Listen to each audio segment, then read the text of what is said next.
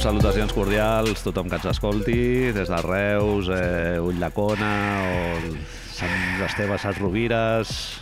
Per què és famós Sant Esteve Rovires? Ara m'ha sortit això, No, t'ho sabria dir. et sabria dir. Bueno, salutacions cordials. Deu haver tocat la loteria algun cop. Senyora. Ara, clar, ara s'apropa molt ben tirat, clar. Ve lo de la grossa. Fem, t'imagines? Estàs nerviós, no, Marc? Per, Fem- per fem a loteria? grossa. A la tenda.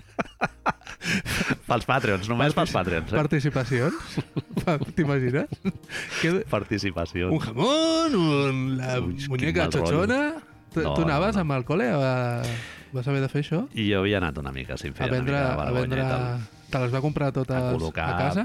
col·locar paperots mm, random a la gent i et donaven 20 duros. Però te, te les va acabar comprant tothom la família o... No, no. Vas anar pel carrer així? No, vaig, no, vaig, no teníem pressió d'haver d'acabar el talonari i tal. Sí, sí, no, no, No era, era una mica per lo que surti. Bueno, clar, això no t'ho explicaven a la teva família. A mi tampoc m'ho han explicat si tot el que t'estalviaves allà eren Adiós. calés que s'estalviaven ells, no? Clar.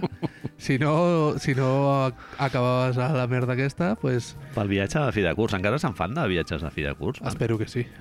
Espero que s'ho mereixen els joves, no? Sí, hombre, sí, sortir a Un- emborratxar-se. I... No sé, t'emborratxa? Sobretot... eh, re- Tercer de BUP, primera nit, un a la comissaria, van haver d'anar a buscar. Sí. Primera nit, eh?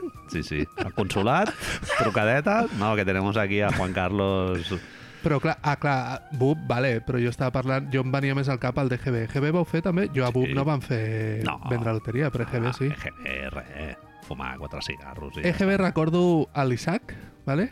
que de sobte va aparèixer un noi de l'altre d'un altre col·le que hi havia per allà que Classiquíssim. estava intentant-se que també lligar... està en circumstàncies similars a les teves de dir-lo sí, que... sí. Estava intentant-se lligar amb la noia que a ell li feia gràcia i en un moment que es van trobar pel passadís que estava jo, va treure una navalla una, una, una d'aquestes, una mariposa, saps?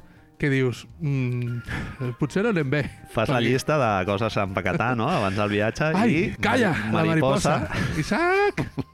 I sí, sí, va fer. Que no, me- hòstia, que no me olvide la mariposa, eh, mama? Re recuérdamelo. Dono per sentat que era en castellà, Marc. Era en castellà, vamos. Jo, jo, eh, jo diria que EGB només parla, vaig parlar en català, les classes en català. No sé, suposo que es nota, però les classes de català són les úniques en les que van parlar català en tot el Sí. col·le. Els profes feien classe en castellà, dius, també. No. Ah, no.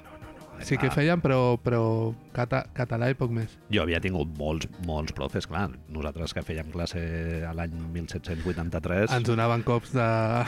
amb les... cara a la paret, Cara a la això paret. fas la broma, però cara a la paret moltes vegades. I jo ara ho penso i dius, què collons, cara a la paret, què vol dir? Ara fan el racó de pensar. Mo- ara els hi treuen el mòbil, directament. I és encara pitjor. Cantàvem el cara al sol a l'entrar. Pujant la bandera, al, a l'esquerrà amb la mà lligada a l'esquena. No? Això li va fer... Era això- així la transició, amics. Hombre, Bueno, Marc, eh, mira, enllaçant amb aquest tema i tal, hi ha, hi ha hagut feixisme. unes votacions a, a Twitter hi havia dues opcions, jo vaig posar dues opcions i la fent gent va entre- votar estem fent lliurement. entradeta de l'entradeta. Sí, estic fent entradeta de l'entradeta, parte 2. Vaig donar a escollir Arctic Monkeys, Sí. coneguts a casa meva com Saltimbanquis, Saltimbanquis. versus ni més ni menys Sí. que Black Sabbath. És a dir, un grup que té 20 anys d'història, si m'apures, no? Saltimbanquis, dius. Saltimbanquis, Sí. contra Black Sabbath, un dels cinc grups més importants de la història de la música. de la música feta pels humans. Es Sí. pot dir així? Si no 5, 10. Fem-ho així. Sí, sí. A més, eh, amb inclusivitat de gent discapacitada, perquè és de Toni, Toni Iommi, no? Toni Iommi és l'Adrián Láser. Sí, sí, sí. Salut mental també. I el láser Iommi, tio. Per No, no, no ho havia pensat, clar, sí, sí. Ozzy Osbourne tocar no toca terra mogollon. Eh, lo de menjar-se... Ah, veus, lo de menjar-se els ratpenats era amb Ozzy, no era amb Black Sabbath, amb la qual tot, tot Ah, funciona. Bueno, Oci estic pensant que també es pot comptar com a Sí, inclusió sí, de discapacitat Inclusivitat Sí. màxima, sí, sí. psicològica. Salut mental, és el que dèiem. I, bueno, ara no sé si... No sé com deu tocar molt de la vida Ozzy Osbourne. Ara em sembla que han fet alguna cosa, eh? Ozzy... Gran sèrie, eh, The Osborne. Sí, sí. Molt guapa, eh? S'ha de El reconèixer fill, que sí. jo hi havia un, un episodi que està el- l'Elijah Wood, que era molt amic del, del, Del fill, fill. de l'Ozzy, i estan escoltant Meshuga a, a Sí, tot sí, sí. petar. Ell anava amb samarretes de Mesuga i tot. O sigui, allò ho veus ara, sí, sí, la, la dona també, persona Sharon. Sí, sí, Sharon, increïble, amb els gossets. Ell amb la seva veu aquella... Un ancià, un ancià de 60 anys. Eh, això, vas, vas posar aquests dos grups així perquè et veníeu de gust parlar de música i els dos han fet coses que les que et feien parlar, però I tu vas dir democràcia públic- sí, no. amb moderació. correcte, sí. A Catalunya no hi cabem tots. Que Tu deia. vas anar a votar i ja vas veure una tendència... Jo vaig anar molt ràpid a votar. Clar, de- et va faltar temps. Ai, que me lo veo. I ai, que me lo veo va ser. Sí, sí, sí. El nostre públic objectiu, Manel, No- és no diré- sorprenent més jove que el que, Sí, clar, que, el que clar. podries imaginar. És això, i, Amb i qual- més estúpid, també. Això de fotre's amb el, la gent que ens escolta, no? No, jo ho faig, però per dintre penso, ai, merda, que t'estàs fotent amb la gent i tal, com el Luc Cornet a la roda de premsa aquesta, que fa la broma i després diu, No, sorry. És, és, és broma. Ah, és broma. eh? Eh, no em va sorprendre, no em va sorprendre el resultat, la veritat, però em va fer pensar si... Bueno, si... Arctic Monkeys, òbviament, és un grup com que ara mateix acaben de treure disco i que estan acabant de sortir als festivals, no sé on toquen, al BBK o alguna merda d'aquestes, amb la qual suposo que era més lògic. Black Sabbath és impossible que toquin, no?, ara ja, perquè... Bueno, fa no gaire van tocar. Hologrames, Eh? Van to- Una merda d'aquestes. Hi ha, hi ha grups d'aquests que fan versió, grups de versions aquests i tal, que estan omplint el Sant Jordi Club, eh? L'altre dia vaig veure uns, uns de Genesis que fan dos nits al Sant Jordi Club, eh? Vas veure un Uns cartell. Mendundis tocant- sí, sí. Vas veure Ah, un bueno, cartell. ja, no vas ja. anar a un concert d'un No, no, no. grup de versions de Genesis. Sí, no, no, vaig veure el cartell, sí, sí. Bueno, digues, digues. No me'n recordo que... per- No, Black Sabbath que ja no toquen, diguéssim. Arctic Monkeys A encara veure. sí que... És, és una situació de, únicament això de distància? És a dir, o, o creus que un grup com Black Sabbath ara mateix no està... ha perdut un... No estan al Zeitgeist, transcendència una paraula molt nostra. cultural. Clar, hi havia una tercera opció que era els dos, no? Votar els dos. I ning... Però no ho vas fer. No, no ho vaig fer. No ho vas jo volia que la gent Tu es- volies posar es nerviós. Tu volies posar nerviós. Era això. Volia posar nerviós a la gent que considera Black Sabbath com una mena de religió i tal, i em fa molta gràcia que sigui així, i també entenc la gent que ha votat els Arctic Monkeys. Ah. Una mica Mariano Rajoy, Marc. Era, era Alemanya és Alemanya. Alemanya és Alemanya, Arctic Monkeys és Arctic Monkeys. Jo ho vaig fer per la perfo, eh, també, una mica, en plan... És... De... Tu creus que la gent entén de vegades quan entrem en modo comèdia Sí, en Twitter? sí. És a dir... Jo crec eh, que sí. Sí no? Bueno, el, el Cisco ens deia l'altre dia que el dels memes és una mica ambigu i tal, i que a vegades troba a faltar subtítols explicant. Clar, hi ha gent molt literal de preguntador P pregunta, Relacionat. R respondedor R respuesta. Interpretacions, les imatges tenen text i subtext. Sí. Tu Arctic Monkeys no cultives, eh? El, El disco que van fer amb el Josh Home, uh, no sé com es diu, eh, sí, el vaig, el vaig tenir, no diria que com de capçalera, però sí que el vaig tenir present, però és fixat precisament amb el mateix. Passa el de Black Sabbath, però en oposat. És un grup que, ah, el nom sempre m'ha semblat que, que no, no, no, Totalment. no l'associo amb les pintes que tenen Nom ara eh, Fétido, eh? Sí, sí. però que relaciono molt al principi d'Arctic Monkeys, aquells 2000 on eren crios de 17, em sembla, anys o 18, que feien aquesta música com, com si fos una mica de post-punk modernitzat, però enfocat a la ràdio, que recordo que el posaven a l'Apolo i que podia escoltar i deia, hòstia, pues, ai, un dia fa gràcia, un dia dius, què és aquesta merda? És mierdolo. Jo els vaig veure al Rasmatàs, un company de, de feina quan treballava a l'escola Bogatell en aquell temps, fent menjadors i tal, em va donar l'entrada perquè ell no podia anar, i vaig anar i vaig dir, tio, esto, això no xupa, Però- eh? El Rasmatàs, amb tota la gent allà superficada i tal, però... Puc entendre, eh, igualment, és a dir, són, són, hi ha una cosa que és lògica, que aquests grups que són generacionals, que hi ha gent que ha crescut amb ells, els ha vist evolucionar i amb, a la vegada el maco de coincidir molt temps amb un grup que evoluciona musicalment és que tu evoluciones vitalment. Llavors, si acompanyes aquest trajecte, Sí, clar. crees una connexió. Estàs a la vagoneta dels, dels Arctic Monkeys, totalment. Sí, sí, a mi sí. m'ha passat generacionalment algú molt curiós, que quan he vist que la gent, o sigui, que el grup decebia una gran part de la seva audiència, és, és quan jo he dit, es- ojo, Hombre! Una altra és el que cosa. vaig posar a la newsletter aquesta setmana, que llavors és quan tu, amb des de la teva perspectiva atalaya, snob, de, Esnobismo, això és una merda i tal, llavors dius, ara és el moment que m'ha agradat. Arribem al reggaeton des de l'esnovismo, sempre. Des del rock de l'usixmo, de no, no, és que això això, en realitat, li donem la volta. Sí, sí, sí, és així. Però és un grup que és molt transcendental, és a dir, a mi em va sorprendre que... Els seus últims són increïbles. Però a nivell, de, a nivell de popularitat, és a dir, aquí són perquè siguin el, cabez, el cap de cartell Cabeza, no? El cap de cartell Carlos Cabezas, d'allà del festival aquest, de Bilbao, em sembla que són. És un grup tan gran, ja? Clar, jo, Jo és que ho veure, desconec des de- des d'aquest punt de vista. el que estan fent ara, veure-ho a un, conce- a un, a un context de gran festival, és per fotre't un tiro, perquè és, És- una música com molt freda, Nick molt... Cave piano, una mica, no? Or, orquest, orquestada o arreglada així d'una manera com molt antiga. I sí, Nick Cave podria ser el rotllo aquest així com eh, fred però intens a la vegada, però o sigui que no és gens eh, eh, contagiós així... Cave es va fer dues hores l'any passat, al Primavera. Sí. Suposo que deu ser... I, i, Quin i seria molta- el context ideal per a aquest grup, llavors? Per mi seria un Apolo, un Razmataz, una, una sala de, de un format una mica més petit. Sí, perquè els tios toquen, toquen molt bé, o sigui, són els quatre, he vist un vídeo en directe, joder, fan superbé, però no és guitarreo... No, no hi ha estribillos, algú molt curiós dels Arctic Monkeys, Tornades no existeixen. no, no hi ha tornades.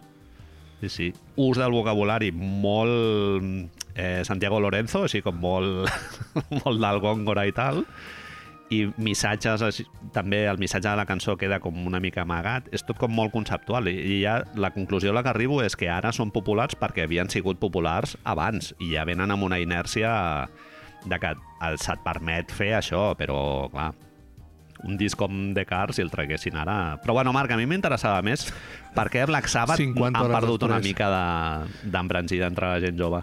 És, és, és el que ho he, ho, he, ho he preguntat abans i cap dels dos ho hem respost. No ho acabo de... És un grup de viejos? No pot ser, no?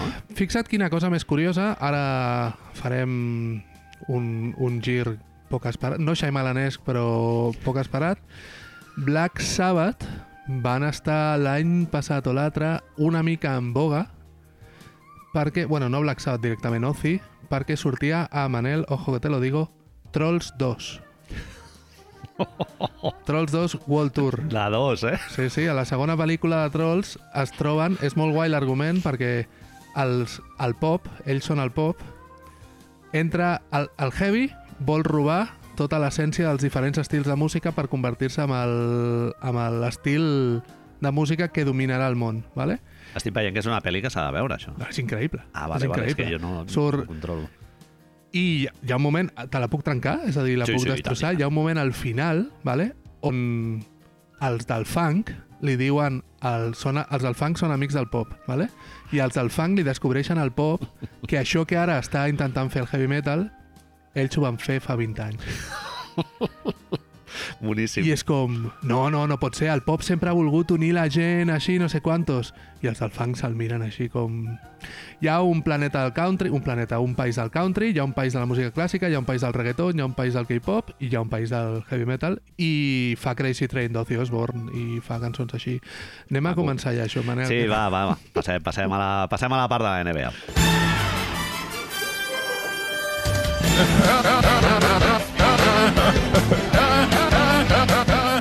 Parlarem molt breument, de, espero, de Com- com aquesta, estadística molt curiosa del PJ Tucker que ens servirà una mica per parlar d'aquest perfil de jugadors que des d'aquesta casa creiem que estan un pèl sobrevalorats i res, tothom, molta gràcia quan la gent ens etiqueta cada, cada vegada que algú acumula una safata de donuts, no? I diu, hòstia, cardio, no? El cardio Hall of Fame...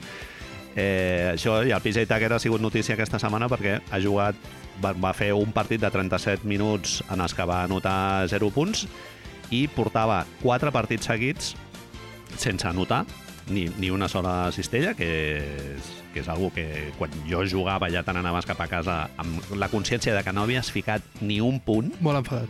i de dir, aquí. no he aportat aquí. al- a la victòria o la derrota. I resulta que és la, la ratxa de partits amb almenys 25 minuts jugats, eh, més, o sigui, la ratxa més llarga amb, amb, Fent 0 punts. amb 0 punts. Des del 51-52. Quatre partits fent 0 punts amb un jugador que juga més de 20 minuts, és a dir, un jugador que normalment és dels importants de l'equip i fins i tot podríem dir que és dels titulars i, jo què sé, la primera unitat, no? Que Sempre cobra diners i amb contracte garantitzat, no és eh, un, un mendundi. garantitzat. Eh, No és Facundo Campazzo, Marc. No és Facundo Campazzo, pobre, que es torna, es torna ara cap a casa. Eh, tu dius, eh, hem estat aquesta situació, no? Clar, de... totalment. Sí, Què? ah, No parlar amb ningú a la vestidor, no fue su partido, no?, a l'esport. esforzado. Desafortunado, És veritat, és el que diem sempre. desdibujado. També és un... Un dels fets que diferencia PJ Tucker, i podem parlar d'aquestes coses, és que es suposa, és, a, és aquesta cosa que és tan difícil de quantificar, aporta una sèrie d'altres coses. Sí, clar, de, de, de seguida la gent que té el relat de que PJ Tucker en realitat és un tio molt valuós Important. i tal, atreuen l'estadística aquesta que també es va viralitzar de que durant aquest tram de partits sí, però té un rating de més 39, no? El plus-minus aquest, el ho más pots dir en menos. català, ho pots dir en català. El- el més menys. Sí, en castellà, com et sentis més d'esto, sí. És a dir, són normalment... Si mires a les estadístiques... El, si fas boxcorismo, no? Si mires a la seva aportació tradicional, tampoc és res que dius... Bueno, és que, que on, què està fent aquest noi? Perquè està- són quatre rebots, dos assistències... Que, llavors, què està fent? No? I llavors sempre tens l'altra versió del relat, el que tu estaves dient, que si mires al final de la capsa de resultados que diu l'aplicació de la NBA ara per Boxcore, eh, surten uns números del més menys, del més menys, de la valoració estadística de lo que fa quan ell està a pista, de quan més punts té l'equip, que són sempre espatorrofants. Sí, sí, sí. Llavors, el dubte existencial està en com s'ha de reconèixer o com es pot reconèixer si aquest senyor va corrent per tot el camp i, i posant bloquejos i ja està, o si veritablement aporta. Ha sigut molt divertit perquè aporta en el sentit no, no d'amistat ni res, eh, sinó de que contribueix a que l'equip sigui millor. Quantificable. Exacte. Sí, sí, sí. Quina és la forma quantificable? Hi ha hagut cert debat a Twitter aquesta setmana amb això perquè No han volat hòsties, però bueno, quasi, quasi. a mi m'ha semblat, jo no vaig voler entrar perquè sabia que havíem de parlar. Però, però clar, sí que ho hem, hem entrat per, pels subalternos, no? I jo personalment tenia un, un, una hipòtesi, que és que pensava que la- l'estadística del més menys en realitat no serveix per quantificar un esforç individual. Exacte. I per les nostres bandes, els dos per separat, molt, molt curiosament, hem consultat a gent que, que sap una mica més d'això. Ens sap molt de greu, Manel, fer el tercer shoutouts. Per què et sap greu? És que no, no és és, merescut, just, totalment. no és just. No és, Totalment. Uh, una persona que jo no conec i que coneixem directament com Luis Mueve tu Bàsquet i també... Mueve tu bàsquet, mola molt. no sí, mo mou la teva cistella, no? Tu per la teva banda, jo vaig parlar amb l'Adrià Arbuest, persona també dins del món de l'estadística en general. Referents, gafotes, no? Des de Bueno, l'estimació. Adrià ens va enviar una foto des del TD Garden de, de. Eclipse, sí, sí, perquè, sí, sí, sí. perquè estava allà. No, que és que vaig a parlar amb els Celtics. Dius, ah, fill de puta, saps? Pues ha servido para algo la universitat, saps? Diners ben gastats. I ells anaven una mica en la nostra línia, no? Clar, jo et anava a dir, Marc, que nosaltres quan defensem que el, el más menos no és una estadística fiable perquè és una estadística individual que respon a un rendiment col·lectiu, nosaltres ja anem amb aquesta, amb aquesta narrativa de que el PJ Tucker és un jugador una mica sobrevalorat. No? Eh, a mi és que Perquè, en canvi, molt. el dia següent, jo el Luke Cornet, per analitzar el megapartidàs que Sí, va fer sí, sí, amb sí, 8 sí. minutets de red, dic, sí, però és que el Luke Cornet va fer un més 28. 26. Sí, sí, sí, clar, és a dir, que el món estadístic sempre el fa servir quan vols fer-lo servir. Exacte. Eh, El que volia dir era això, que tu construeixes un relat i llavors esculls les, les estadístiques que et van bé per I no és dolent, no és dolent, perquè al cap i a la fi estem aquí per divertir-nos i si, hem estat, si estem un rato partint-nos la cara a Twitter, pues cadascú ha d'escollir les seves Sí, armes, sí. no? És a dir, el que sí que és veritat és que a lo millor moltes vegades no tenim la forma real de quantificar l'ordre, el- l'aportació real d'aquests jugadors. No, per sort, encara no existeix. El- això seria com craquejar el code, no? El, A l'Adrià em deia que tens, hem de mirar les alineacions, els on-off, que li diuen ells, quan està, quan no està, perquè és tan important els 5 amb els que juga com els 5 contra els que juga.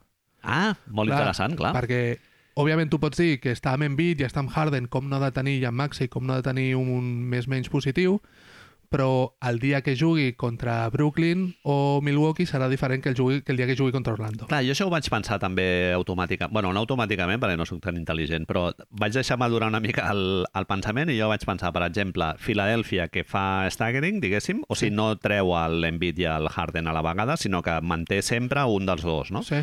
Clar, si ells juguen contra Denver, per exemple, que Denver sí que treu els, els, el Big Three, els treu del tiri, i llavors hi ha uns minuts que PJ Tucker, si coincideix que està fent l'staggering amb la segona unitat liderada pel Sí. James Harden, ells estan jugant contra la segona unitat de Denver. És així, és clar, així. Una de les formes que podria ser, com proposava l'Adrià, és veure les alineacions i veure amb qui juga sempre. Uh -huh. És veritat, jo vaig fer una mica l'exercici i té els, el, el net rating dels collons, el, el, la valoració de la defensa i l'ofensiva, en tenia positiu i en tenia negatiu independentment de amb qui jugava, amb local. Mm -hmm. Però hi ha, hi ha eines per mesurar realment l'impacte, però és molt costós. Eh, en defensa, sobretot, es pot valorar una mica més. A mi hi ha una cosa que, que, que em fa pensar, que sí que és veritat. Se l'ha fitxat per una cosa, a Filadèlfia, que és que se l'ha fitxat... Mori va dir, ho vam dir en una entrevista, va dir que era el primer unicorn, directament. és un tio, Manel, que té 37 anys, ¿vale?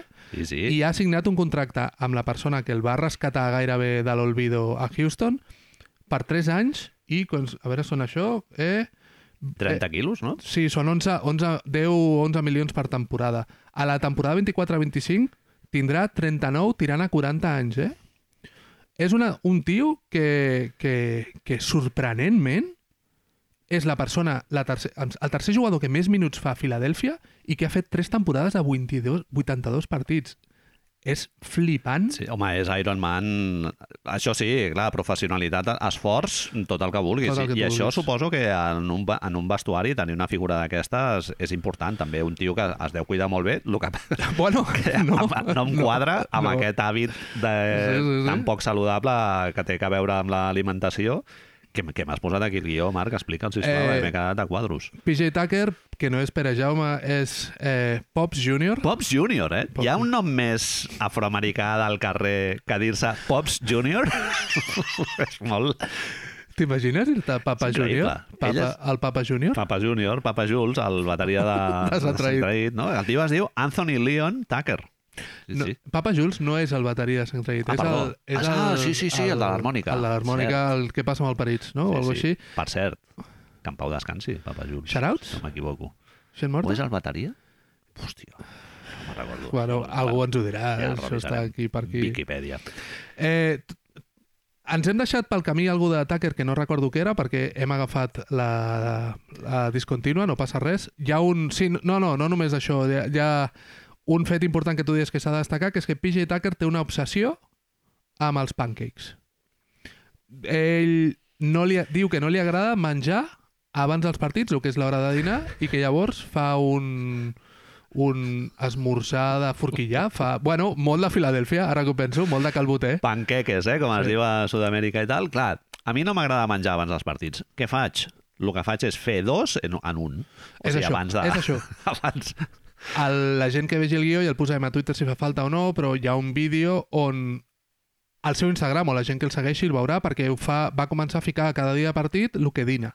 Vale? I lo, quan, el que dina, el que esmorza.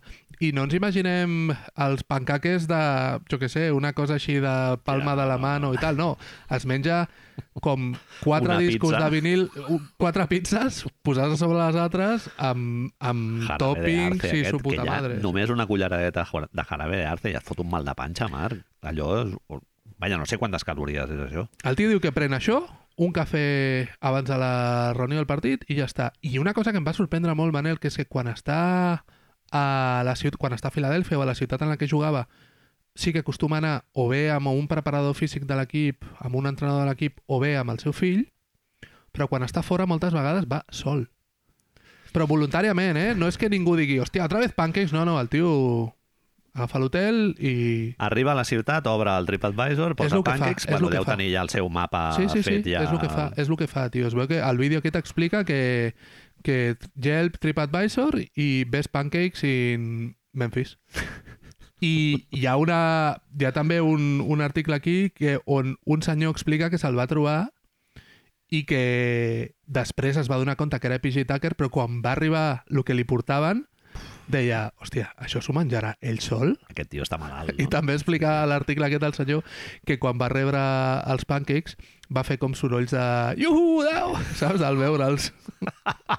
PJ Tucker va fer sorolls d'anticipació. Hòstia, això és és molt guai, és molt guai també perquè PJ diu, Pops Junior diu que aquí és on entra música de pianola, que després tindrem, que és que és un record una mica de la infància perquè la seva Hombre. mare treballava molt Pixar.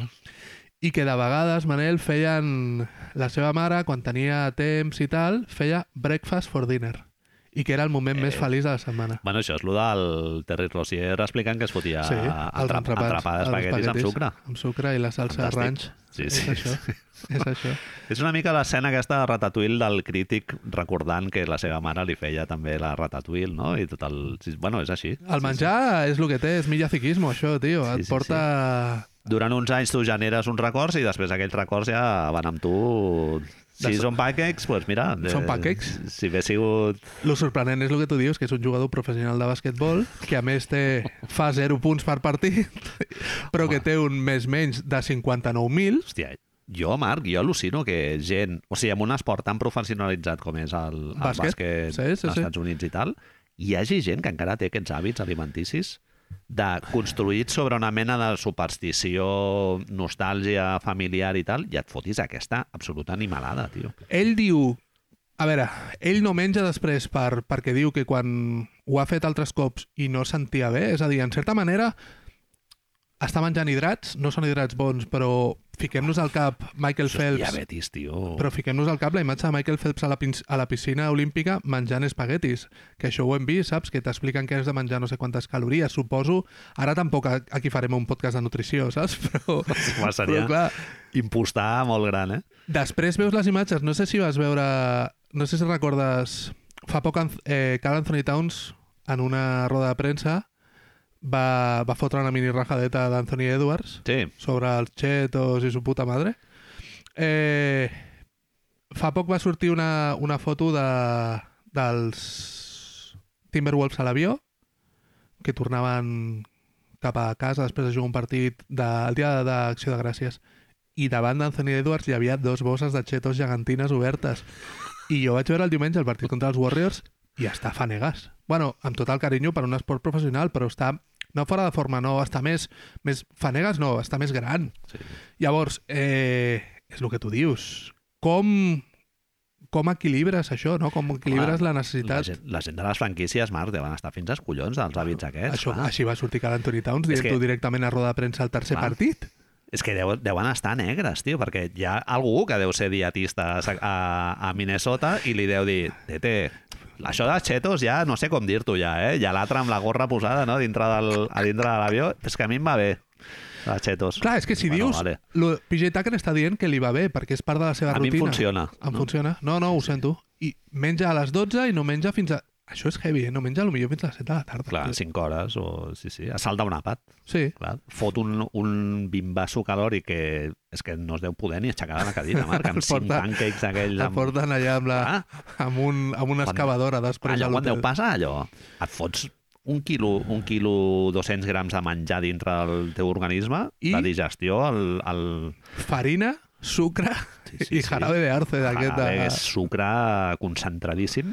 Bueno, no sé, Més un cafè i ja està. El que passa, Manel, ara recordo que és el que ens hem deixat de dir abans, que és que Mori el fitxa, no el fitxa sabent que podran anar a Calboter junts perquè ell, ell és de dolços, llavors no sé com és la carta de postres de Calboter, però No, no l'he vist. no l'hem vista. Limitada. Eh, Ah, bueno. Músico, Sí, músico. helado, Chupitos, chupito... Bueno, bé, no? Sempre estan a Sempre hi ha favor. algú. Sempre hi ha algú. Tabla de quesos. Se'l fitxa precisament perquè es creu, una de les coses que potser són, parlen de la sobrevaloració aquesta que tu deies, però sempre se'ns ha venut, que és un especialista defensiu. Que, com dèiem, no tenim les estadístiques totalment... No són les estadístiques més clares, potser, per valorar el rendiment ofensiu, defensiu d'un jugador, no? Les més Mhm. populars. Hi han, perquè amb l'Adrià vam estar parlant d'això, i es veu que PJ Tucker està entre els 30 millors jugadors defensivament de la Lliga, el qual amb una lliga de 400 jugadors és increïble. Però se'l fitxa directament per posar-lo davant de Giannis Antetokounmpo i per posar-lo davant de Kevin Durant. Sí, Sabem és que és per se'l se fitxa per dos mesos de competició, És no? així. Per, per als 23 partits de, de playoff. 23, com podria dir, 32 o 12, és igual. I són 37 anys, eh? Sí, que sí. Tu, és a dir, l'aposta jo crec que va més enllà fins i tot, Manel, no sé si estaràs d'acord, però és per aquest any. És a dir, Sí, algú sí, sí. a Filadèlfia ha dit la finestra, lo de sempre, anem a posar-li unes barcos d'aquests d'alumini perquè no entri fred i som-hi. Sí, a més, bueno, PJ Tucker ara està cobrant un contracte una mica avoltat, no? Des de, Deu i mig. Des de la nostra modesta Sí. opinió, però és veritat que ens ho deia el Sergi l'altre dia Shoutouts. per Twitter, que, que porta, portava molts anys cobrant molt per sota de la seva aportació, i a més és un tio que cal recordar que ha estat a la lliga israeliana i ucraïnesa, eh? Ucraïnesa. Flipa, eh? Sí, sí. O sigui, un tio que, vaja... es pot Estava fora de la Disney. lliga, estava, estava Sí. fora de la lliga i de sobte, a base d'esforç i pancakes, està allà. Com a dades, eh, el dia han jugat dos cops contra... Són dos, dos cops contra Milwaukee, un cop contra Brooklyn. Giannis està fent per temporada, em sembla que són 30 punts. Els dos partits contra, contra Milwaukee, defensant l'UPG Tucker, Giannis fa el primer partit 21 i el segon 25. Bueno, aquests 5, par 5 punts de marge et poden servir per guanyar el partit. Sí. Contra Kevin Durant, Kevin Durant està, fer 20, està fent 29 punts i el va deixar en 20. Que hi ha un tema també, jo li deia amb el Luis, no? que hi ha un tema de química o de...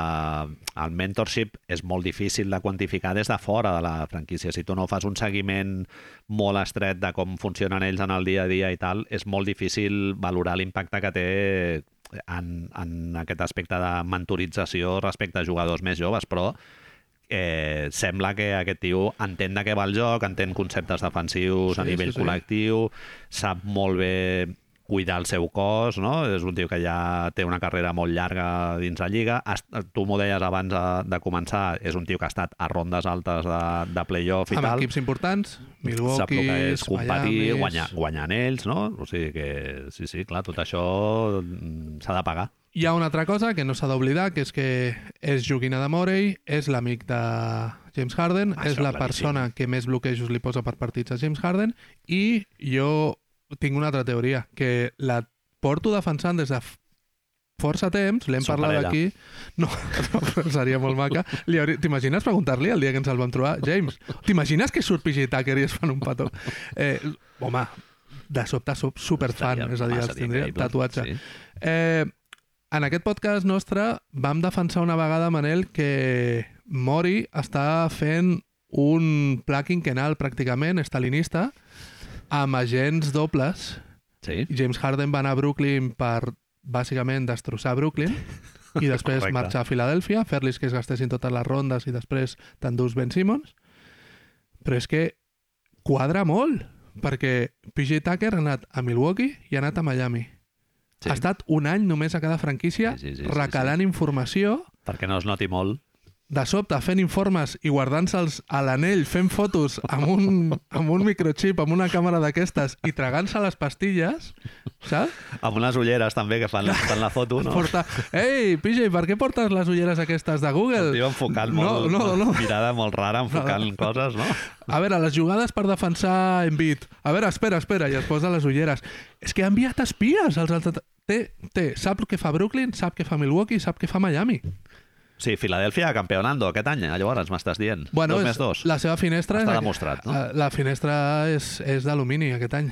És, Daniel House el mateix, eh? eh, sí, és que Ah? Daniel House que ha fet més? Ha estat a Utah, no? Aquí no els hi donarà informes. Està pillant informes a Houston, no? Del, Ah, no, tio, però qui són els rivals de l'est? Qui els hi falta? Brooklyn no compta, no? Atlanta, els Knicks i a tot. House no va estar a Brooklyn? House va estar a- a Utah l'any passat. Uh -huh. És a dir, que no... A no ser que es pensés que estarien, però estava PJ Tucker recalant informes i estava eh, James Harden recalant informes, Sí, sí, tio. sí. És tremendo. Molt bé. Eh, bé, jugador esforçat i bé, seguirem a veure què pot Seguirem. PJ Tucker la resta de la temporada i tal. Marc, parlarem ara de Sacramento Kings. No tenim el làser, volíem fer un peripé així amb el, amb el làser per activar-lo i tal, el Guinardó de nit, però com no hem pogut gravar de nit, ho deixarem per un altre dia.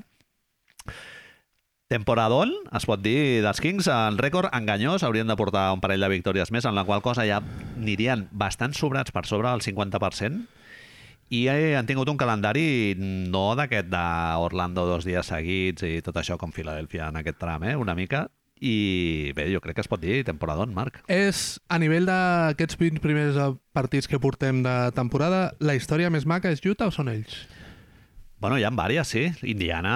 Indiana, és, maquíssim, Indiana també. està a la recàmera. Indiana l'hauríem de fer ja la home. setmana vinent o l'altra, Indiana perquè... Ha guanyat els Lakers. No sé, Sí, sí, ja. Això ja fa... Sí, hi ha diversos equips que s'estan negant a, a tanquejar, no? El Sacramento, en principi, ja ho vam dir a principi de temporada, que no, Es que no teníem el dubte de que, Es de que dir. no tanquejarien i que ho farien bé. Això Es va dir, eh? Els es va dir que recuperi. Que recuperi. Sí, Si sí. algú dubta d'això... Sí, Megàfono? estamos aquí. Estamos aquí. Eh, hi ha una conta, Marc, que es diu NBA en galego. Et llegiré... Extremament fan. Extremament fan. Espero dir-ho bé. He Eh? fet molts retuits de NBA en galego. O certo é que os Kings non só están gañando partidos e metendo moltísimos puntos, señón que ademais son moi divertidos de ver. Això és així. A cuestión é se van a poder manter este nivel na segunda metade da, tempa, da tempada, no? da temporada, da, da tempada. Shoutouts NBA en galego.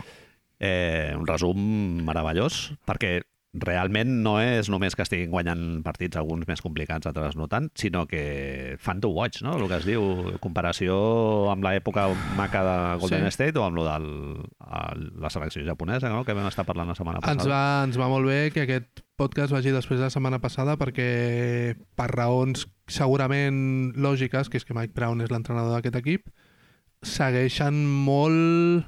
Mike Brown era, per qui no sàpiga, entrenador assistent dels Warriors, a part de moltes més coses a la seva vida, segueix molt a, aquesta dinàmica de ser diferents en una lliga on tothom fa bloqueig i continuació. Uh -huh. Hi ha equips que ens agraden molt que ho fan, Denver ho fa, Golden State ho fa, que Molta no és ISO, mateix. no? Sí, aquí fem, juguem una altra cosa, juguem a passar-nos-ho bé i, hòstia, és divertidíssim. El partit contra Boston és un dels partits més divertits Sí. del que portem de temporada segur i de molt de temps. Els tres quarts, l'últim quart quan Boston diu ja, quan el Tatum diu, bueno, quan Cornet diu prou, Home, ja és una altra cosa. el, el parcial aquest de Cornet, Hauser i Pritchard en pista, Marc, amb Tatum, que és el líder i candidat a l'MVP, tot el que tu vulguis i tal, però clar, maquíssim. Clar, Sacramento, és veritat que se li acaba una mica el dels pancakes que porta el acumulat. Tucker.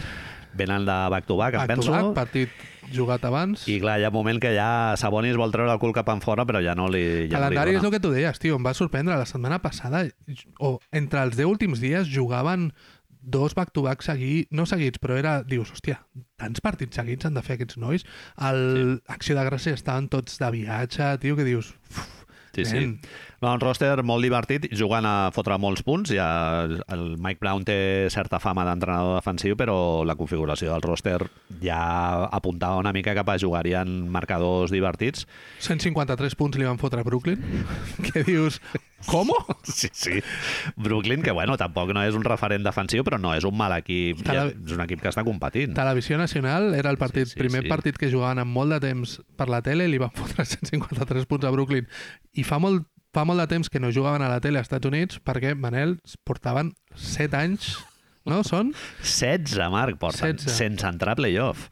Clar, de Aaron, de Aaron Fox ha sigut notícia aquesta setmana perquè ha passat a Clutch, no? a ser representat per Clutch, i ell ah, li fan una entrevista a Bleacher Report que no té molta substància i Vale. tal, però diu algo molt interessant, que és que des d'un mercat petit tu et pots assegurar tenir certa presència nacional si guanyes partits.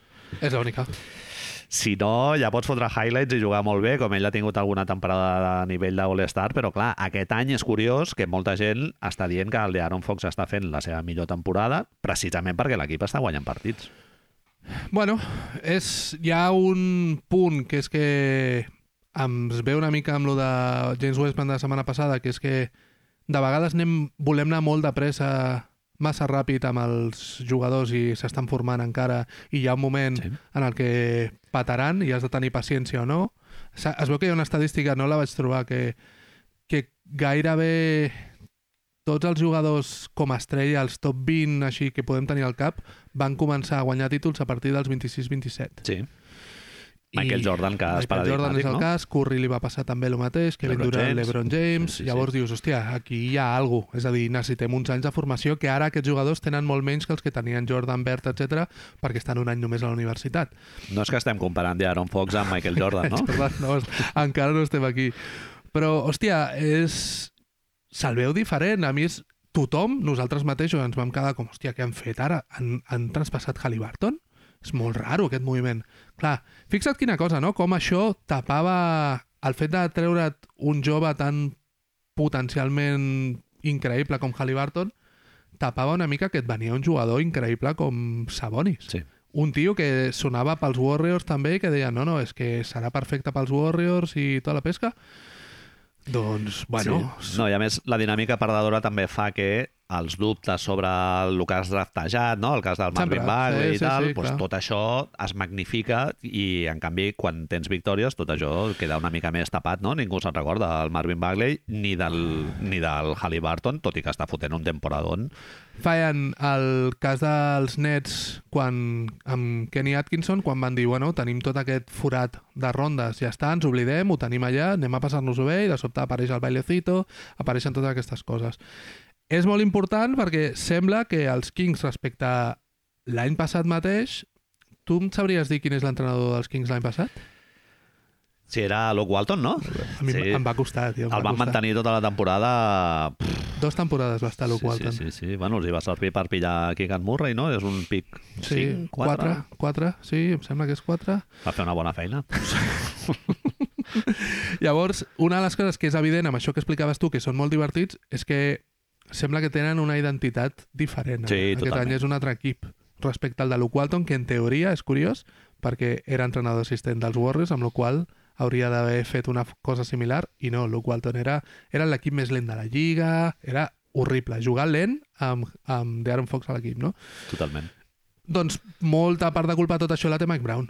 Sí, sí, un, un, apunt, una, un apunte només. El, lo divertit que és Sacramento de veure'ls jugar i tal, que és algo que lliga amb l'ADN d'aquesta franquícia, no? El, Sí, sí, sí, sí, històricament. històricament Sacramento és un dels, Jason dels Williams. equips que han jugat més divertit, diguem. O sigui, no van pujar banderes al, al pavelló, però, joder, sí que el, el, la imatge que tenim del Sacramento Nosaltres clàssic amb això. són això. I del públic també. Tot el rotllo aquest que s'ha liat del, del Light, de, eh, Light the Beam, el Light the Beam i tal, té molt a veure també amb l'època clàssic, clàssica dels, dels germans Maluf amb la gent allà amb l'Escallot, i, o sigui, com gent de Sacramento empoderada de ser de Sacramento, no? I una franquícia petita...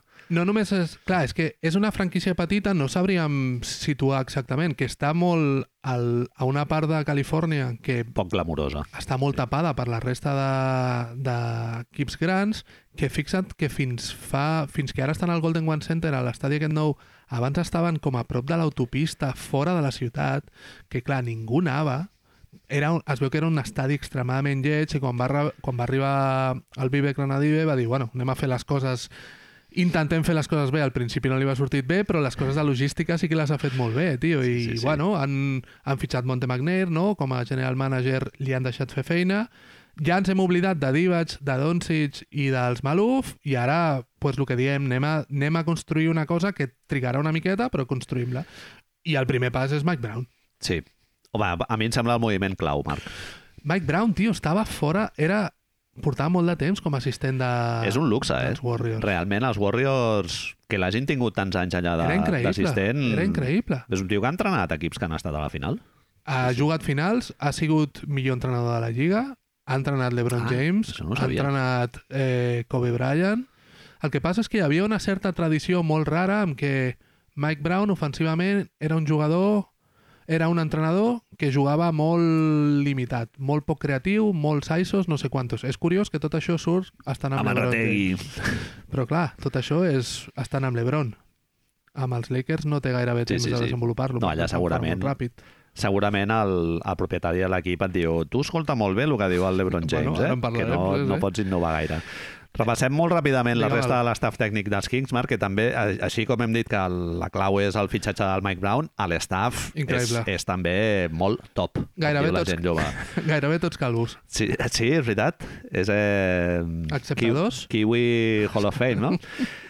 Eh, el, el principal, el primer assistent seria el Jordi Fernández, que ja el coneixeu tots, eh, eh, sis temporades a Denver sense ser el primer assistent i que té una relació molt estreta amb el Mike Brown perquè es van conèixer quan el, quan el Jordi va arribar als Estats Units amb el, A Cleveland. amb, a- amb Cleveland, que ell va començar a fer player development des de molt a baix, Sí. crec que entrenant el fill de Mike Brown, Sí, i a partir correcte. d'aquí ell el crida ja per, per entrar a Cleveland. Jordi Fernández l'any passat sí que era entrenador principal, assistent principal. Ah, era el de- primer. Sí, sí, Ah, sí. vale, Els vale, dos- perdó. L'any passat i, els, i alguns altres ja era assistent principal de, de Mike Malone a, a Denver.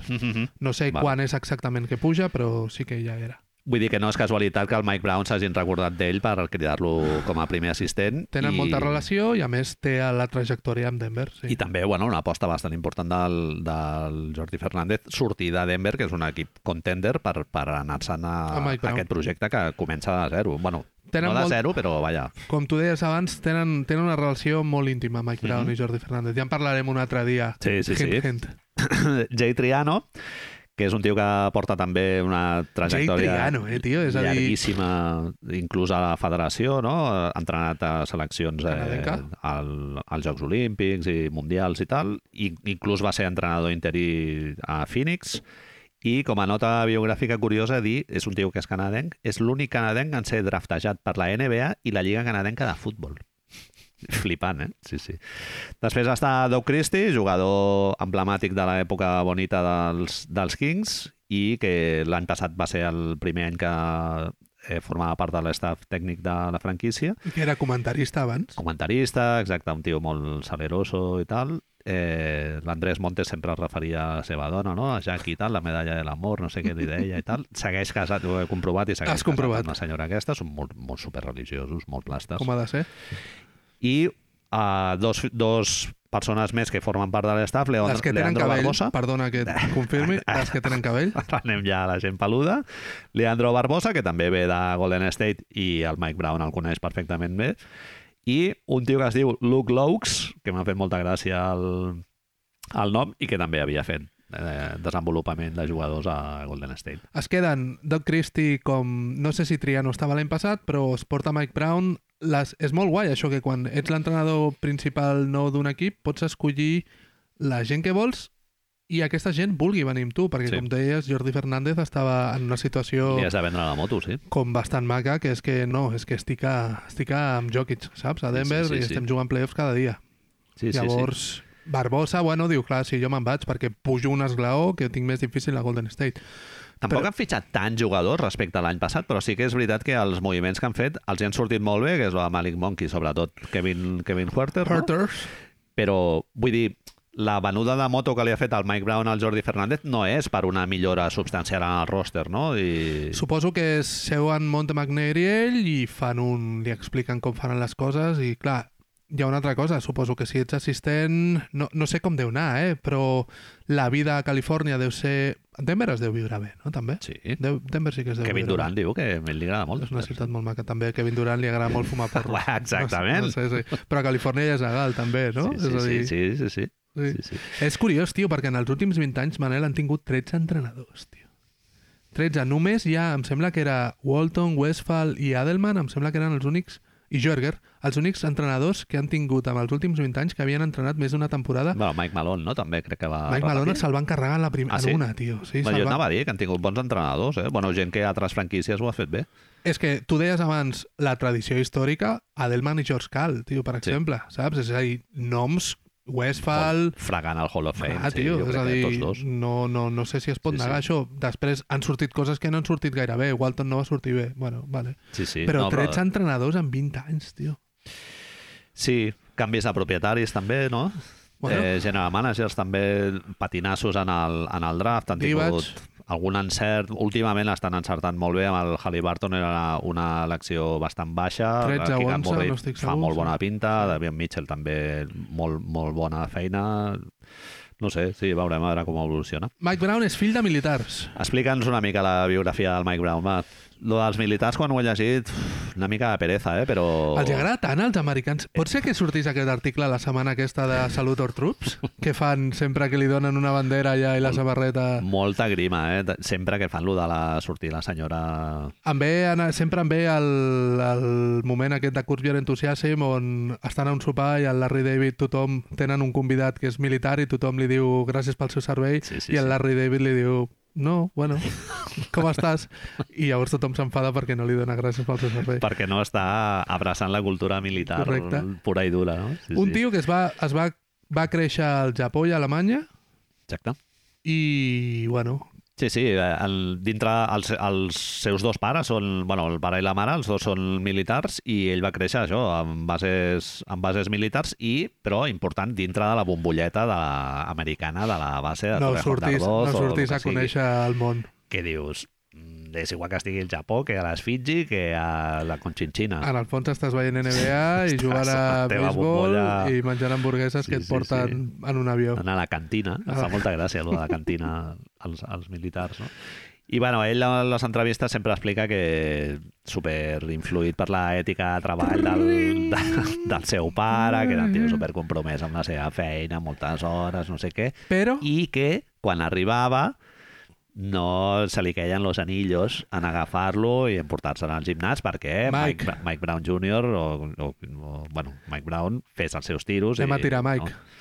Eh, desenvolupés el seu amor per estàs segur, papà? No has treballat molt? Sí, sí, no, sí. Mike, anem. El pequeño Mike siempre esperaba con ilusión a que llegara de trabajar su padre, el Afonso, y se lo llevara a aquel vetusto pabellón en la base militar de Woodsburg, en las afueras de Nürburgring. Estic fent una paròdia del Andrés Monge perquè és que la Però- biografia és perfecta. Sí, sí. Su padre le hacía entrenar descalzo y en bañador a pesar de temperaturas, sempre molt de fred i molt, sí, condicions molt adverses. Jamal Murray, allà. Temperaturas que oscilaban entre los 27 y los 32 grados bajo cero. Alemanya molt de fred, sempre. Sí, sí. A veure si et recorda algú això que t'explicaré ara, vale? Manel? Va jugar a bàsquet fins a la universitat, Mike Brown, estem parlant. Amb 22 anys estava al departament de vídeo d'un equip NBA. Vaya, hombre. Amb 27 era entrenador assistent. I a l'any 2000 el fitxa Greg Popovich com a entrenador assistent dels Spurs, tio. Només ha tingut un entrenador assistent, el Greg Popovich, no? És flipant, tio, que, que... Hòstia, és el mateix que vam explicar de Utah amb Will Hardy. És la mateixa puta història. és que Totalment. no deixa de ser simptomàtic, llavors, que siguin dos dels equips, ho hem dit al començar, més divertits del que portem de Lliga i que juguen més entretingut. És que han tingut el mateix puto camí, l'entrenador principal, tio. És una mica... Jo tinc el meu, el meu barret, Marc, em poso el meu barret Sí, de sí. antifitxa de Wikipedia.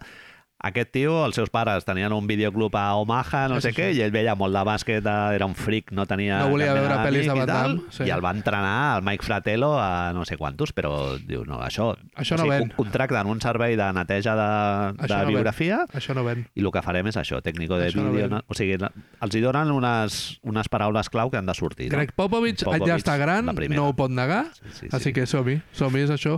Sí. Primer treball com a entrenador principal a Cleveland amb LeBron James. Finals el primer any, títol de millor entrenador al segon. Així de primeres dius, bueno, Sí, sí, sí. eh, ojo Mike. El tercer any, però, el fan fora brr, brr, brr, brr, en el que es suposa que és un gest cap a LeBron James, eh? Tot acaba, dius, bueno, he jugat finals, entrenador, no sé quantos, et piquen aquí a la porta els Lakers. Kobe Bryant, Shaquille, Dwight... eh, No, Dwight Howard, no. Kobe, Kobe Pau, Dwight Howard, Steve Nash. Vine cap aquí. Mike Brown diu, com que, que jo tinc un sistema ofensiu avorrit? Doncs pues ara farem Princeton. Ahà. Passe, corte, tot moviment. Tom Pete Hova- Carril, no? Molt de Califòrnia. Jovase a casa dient això és el bàsquet, no? Rollo Leonardo DiCaprio amb el... Sí, sí, sí. així dient, és això. Totalment. Nou, Orquesta, no? nou partits va durar. Cago en dena. Nou partits. passar? No Pues- me'n recordo d'això. Kobe Bryant va dir que no i el, el bus gran s'estava a punt de morir i van buscar un entrenador que fos una mica de les estrelles, que no els hi fes córrer, bàsicament. Nou partits, tio.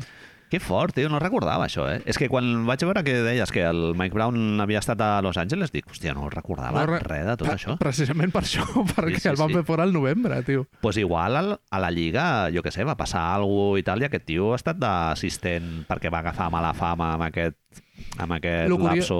El curiós és que just, des... va carregar Pau Gasol, en realitat, no Oh, Kobe Bryant. oh. just després torna a Cleveland perquè el, el, com es diu, el propietari de Cleveland, que ara no em surt, diu que és un dels... Griffith, no? Crec que es diu. No, Griffin és el, Ah, no, sí, perdó, era el, el, general el manager. general manager.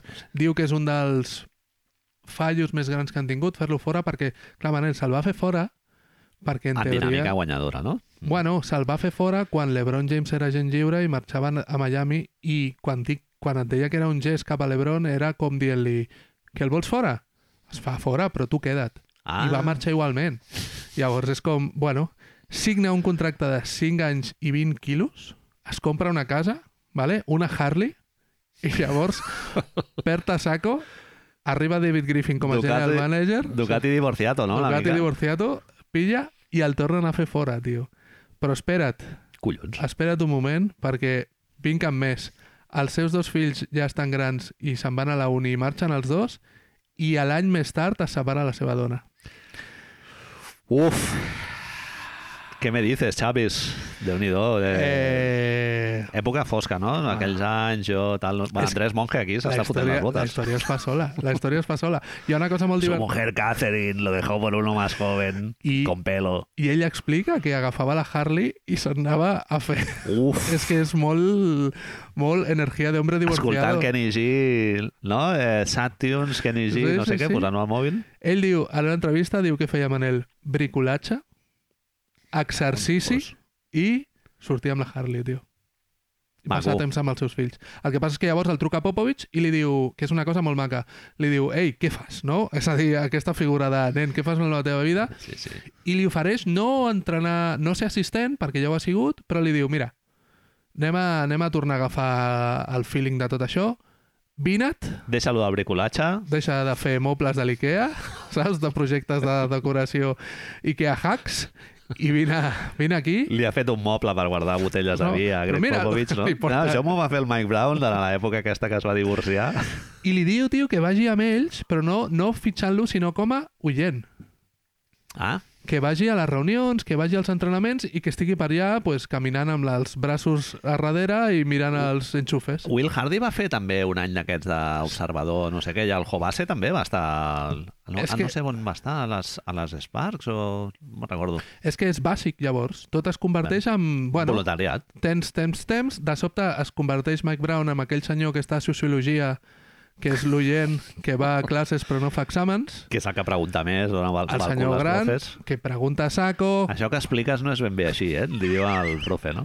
sempre et saluda, quan entres tu Sí, sí, sí, arribes tard a la classe, ell, hola, Molt incòmodo, eh? Tenir algú a classe de... tu et gires i ell t'està mirant, però perquè està mirant a tothom per fer contacte visual i somriure, i et diu que si mai necessites res, fent air quotes, no? I fent així molt amb l'ullet, que li, que li diguis. I, I clar, tu poses una ordre d'alejamiento contra aquest senyor, saps? O sigui, ell va estar a Spurs fent el voluntariat aquest i després és quan ja entra Llavors, estat de... El que passa és que Steve Kerr, uh, Steve Kerr parla amb Popovich i Popovich li diu a Mike Brown, noi, Steve Kerr et vol, fes-ho això o si no, el pròxim és saltar des del Golden State, des de l'Empire State Building. Marc, hi ha un relat que m'està agafant molta força, que és que el bo Sí, realment és Mike Brown i no és Steve Kerr. és probable. és probable. És una mica la teoria d'Escariolo Bueno, és, és, a Toronto. Sí, clar, a, això és un dia... Quina és la feina real dels entrenadors assistents dins de l'organigrama Eh, tècnic? Sí, sí, clar. és una Des de cosa- fora és molt difícil de, No la sabrem, veure. no la sabrem. Sí, sí. Bueno, el relat aquest del Mike Masula també, no?, aquest any. I, I Hardy. Sí, Hardy, a Utah. Sí, sí, sí. Em fa, em fa pensar, però, tota, tota aquesta història, en realitat, em feia gràcia portar-la també, no, no només pel fet de que explica una mica, suposo, on està ara vitalment i com ha canviat la seva relació, com tracta els jugadors i el joc, sinó perquè sempre parlem de mamba mentality, de l'obsessió amb el bàsquet dels jugadors. Sí, Hòstia, tio, ser entrenador ha de ser molt ètica de xungo. treball, no? Sí, tio. Sí, sí, sí. Però vitalment això, el guardiolisme aquest de no, no, aixecar-me a les 6 del matí, estar mirant vídeos i anar-me a dormir mirant vídeos i tal.